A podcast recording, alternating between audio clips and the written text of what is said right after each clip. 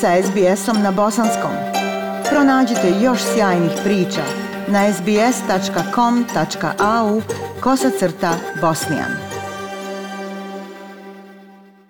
Vlada Viktorije je objavila je da pokreće novu strategiju u koju će uložiti 41 milion dolara. Cilj je da se što više ljudi odluči da gradi karijeru u oblasti mentalnog zdravlja. Također prisutna je namjera da se od sljedeće godine angažuje što više stručnjaka u ovaj inače preopterećeni zdravstveni sektor. Na iniciranje ovakve strategije doprinijela je pandemija COVID-19, koja je tokom protekle dvije godine dovela do dugih perioda zaključavanja, lockdowna, odvojenosti ljudi od njihovih porodica i prijatelja, što je rezultiralo opterećenjem ili pogoršanjem mentalnog zdravlja. Kako pišu Abby Dinam i Deborah Grork za SBS News, to je dovelo do toga da su se telefonske linije za podršku mentalnom zdravlju u Australiji tokom pandemije naprosto usijale. Kids Helpline. Mm -hmm. Oh, okay.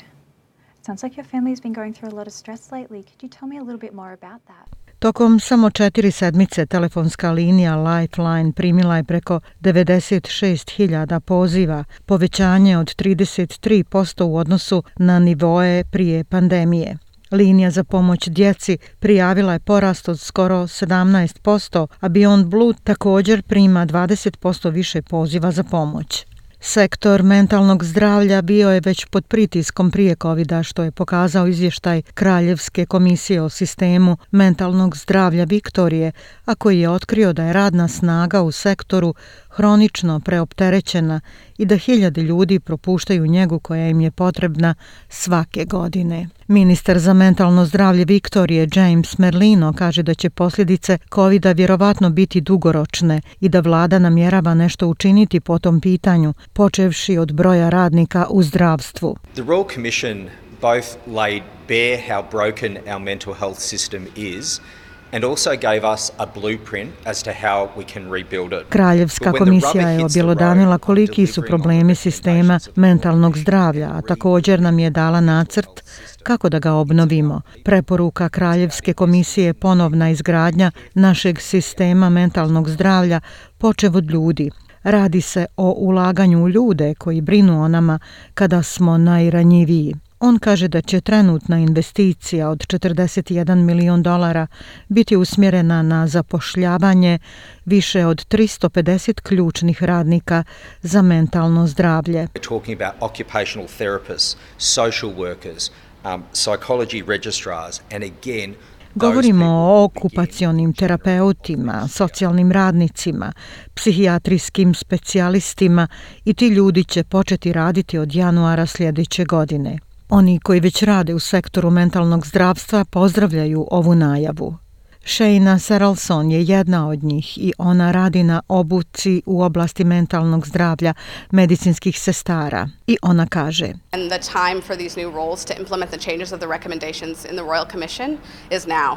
Sada je vrijeme da se implementiraju ove nove promjene koje su došle kao preporuke Kraljevske komisije. Jedini način da se pruži bolja njega i poboljša njega ljudima koji pristupaju uslugama je da im posvetimo više vremena. Tako će definitivno novi radnici biti dobrodošli. Profesor Patrick Megori, koji je proglašen Australcem godine u 2010. godini za svoje usluge mentalnom zdravlju mladih, također je pozdravio finansiranje. I'm delighted to see it uh, because um, in the in the wake of the royal commission the number one risk to the reform is is workforce.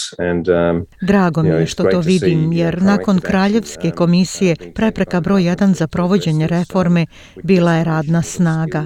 I sjajno je vidjeti da vlada poduzima proaktivne korake kako bi riješila ovaj problem Očajnički su nam potrebni kvalifikovani i saosjećajni radnici u sektoru mentalnog zdravstva, jer oni koji su bili na prvoj liniji u posljednjih nekoliko godina već su iscrpljeni i potrebno im je novo pojačanje ali nisu svi uvjereni u tajming i suštinu ove strategije. Glasnogovornica opozicije u Viktoriji za oblast zdravstva, Georgie Kreuzer, kaže da vlada sporo reaguje na postojeće probleme za koje je sama pomogla da se stvore. This is the government playing catch up. The mental health crisis was here before COVID. Vlada se sada igra hvatanja koraka. Kriza mentalnog zdravlja bila je prisutna i prije covid samo se pogoršala zbog dugih karantina i naravno sve ovo što se dešavalo imalo je uticaja na djecu u školama, njihove porodice i njihove zajednice.